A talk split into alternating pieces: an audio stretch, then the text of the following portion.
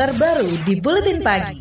Romi Shofa Ismail, seorang dokter gigi yang juga peserta calon pegawai negeri sipil CPNS, akan menggugat Bupati Solok Selatan ke Pengadilan Tinggi Tata Usaha Negara. Kuasa hukum Romi, Wendra Rona Putra menjelaskan, gugatan ini dilakukan karena pemerintah kabupaten dianggap diskriminatif terhadap Romi. Sebenarnya kasus ini kalau kami melihat ada dua aspek, tidak hanya bicara dalam konteks administrasi pemerintahan saja, dalam artian dugaan tindakan sewenang-wenang yang dilakukan oleh Bupati Sok Selatan dengan mengeluarkan SK pembatalan itu, namun juga ada unsur pidana karena ini terkait soal status uh, dokter gigi Romi sendiri yang merupakan penyandang disabilitas yang otomatis dia dilindungi berdasarkan undang-undang nomor 8 tahun 2016 tentang disabilitas. Kuasa hukum Romi Wendra Rona Putra menjelaskan, telah berupaya mengambil langkah non-litigasi dengan menyelesaikan masalah ini di luar pengadilan.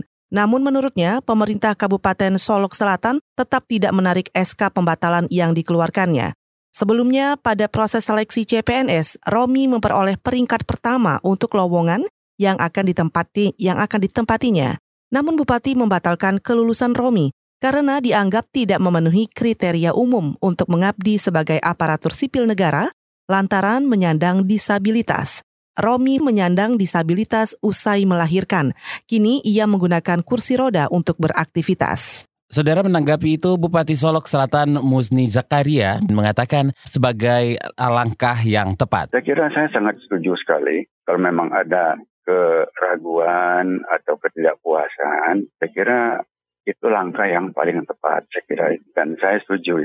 Menurut Bupati, semua keputusan ini sudah melalui kajian dari semua dinas terkait. Dasar keputusan pembatalan kelulusan karena dianggap tidak sehat jasmani dan rohani. Alasan lainnya, dokter gigi Romi seharusnya ikut tes formasi khusus disabilitas, bukan formasi umum. Dan dalam Permenpan 36 tahun 2018 menyatakan peserta yang sudah lulus tetapi kemudian hari terbukti tidak memenuhi persyaratan lainnya, maka kelulusan bisa dibatalkan. Komisioner Bidang Mediasi dan Perlindungan Komisi Aparatur Sipil Negara atau KASN, Tasdik Kinanto menegaskan, penyandang disabilitas hanya dapat mendaftarkan diri di sebagian jabatan dalam seleksi calon pegawai negeri sipil atau CPNS. Tasdik menilai adanya pembatasan ini berkaitan dengan fasilitas pekerjaan yang akan dijalani oleh calon pegawai. Pada waktu daerah itu mengajukan usulan formasi, apakah yang bersangkutan daerah itu mengajukan usulan itu apa enggak? Ada formasi enggak untuk mengakomodasi yang anak-anak yang disabilitas? Kalau enggak ada kan ya enggak bisa. Ibaratnya itu kalau naik mobil, seatnya dulu tuh,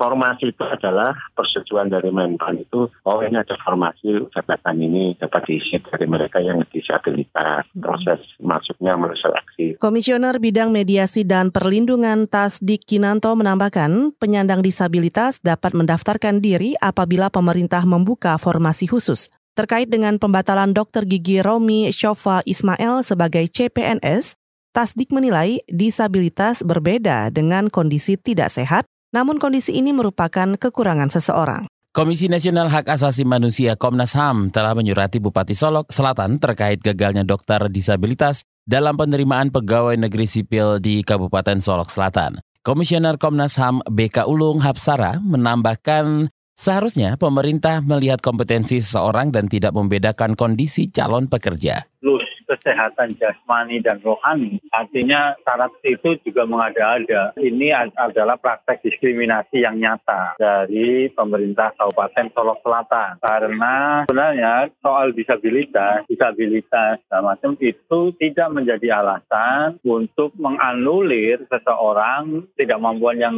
dimiliki karena dianggap karena tidak mampu segala macam. Komisioner Komnas HAM BK Ulung Hapsara menilai hingga saat ini diskriminasi terhadap kelompok disabilitas masih tinggi ia mengatakan penolakan hingga pemecatan terhadap kelompok disabilitas masih terjadi di lingkup pemerintahan daerah dan perusahaan-perusahaan swasta di Indonesia. Catatan Komnas HAM bentuk diskriminasi lainnya adalah minimnya pemenuhan fasilitas yang ramah disabilitas di perkantoran lembaga negara maupun perusahaan swasta. Himpunan Wanita Disabilitas Indonesia menilai pemerintah kurang optimal menghilangkan diskriminasi terhadap kelompok disabilitas di Indonesia. Ketua Himpunan Wanita Disabilitas Indonesia, Maulani Rotin Sulu, menilai diskriminasi pekerja disabilitas masih sering terjadi di daerah-daerah. Ia menilai pemerintah kurang mengawasi penerapan kuota pekerja disabilitas di daerah karena kan mereka selalu menghitung dengan uang gitu uh, atau penyiapan fasilitas-fasilitas itu. Jadi di, uh, dilihat sebagai beban bukan dilihat sebagai salah satu pemenuhan alat pemenuhan untuk membuat uh, warga negaranya produktif. Itu ada sekitar di angka ini ke, di di pelaporan negara kepada PBB ya. Di tahun 2016 itu uh, ada di angka 1,9 juta Ketua Himpunan Wanita Disabilitas Indonesia, Maulina Rotin Sulu, mengatakan kasus bully, penolakan hingga pemecatan masih terjadi kepada pekerja disabilitas. Sementara itu, menurut Maulina, ada kecenderungan pekerja disabilitas tidak mau melaporkan tindak diskriminasi yang terjadi. Pemerintah bersama DPR memang telah membuat undang-undang tentang penyandang disabilitas. Dalam aturan ini, pemerintah pusat, pemerintah daerah, BUMN, dan juga BUMD wajib mempekerjakan kaum difabel paling sedikit 2% dari keseluruhan total pegawai. Sementara itu, perusahaan swasta wajib menyediakan 1% dari total pegawai untuk kaum disabilitas. KBR, inspiratif, terpercaya.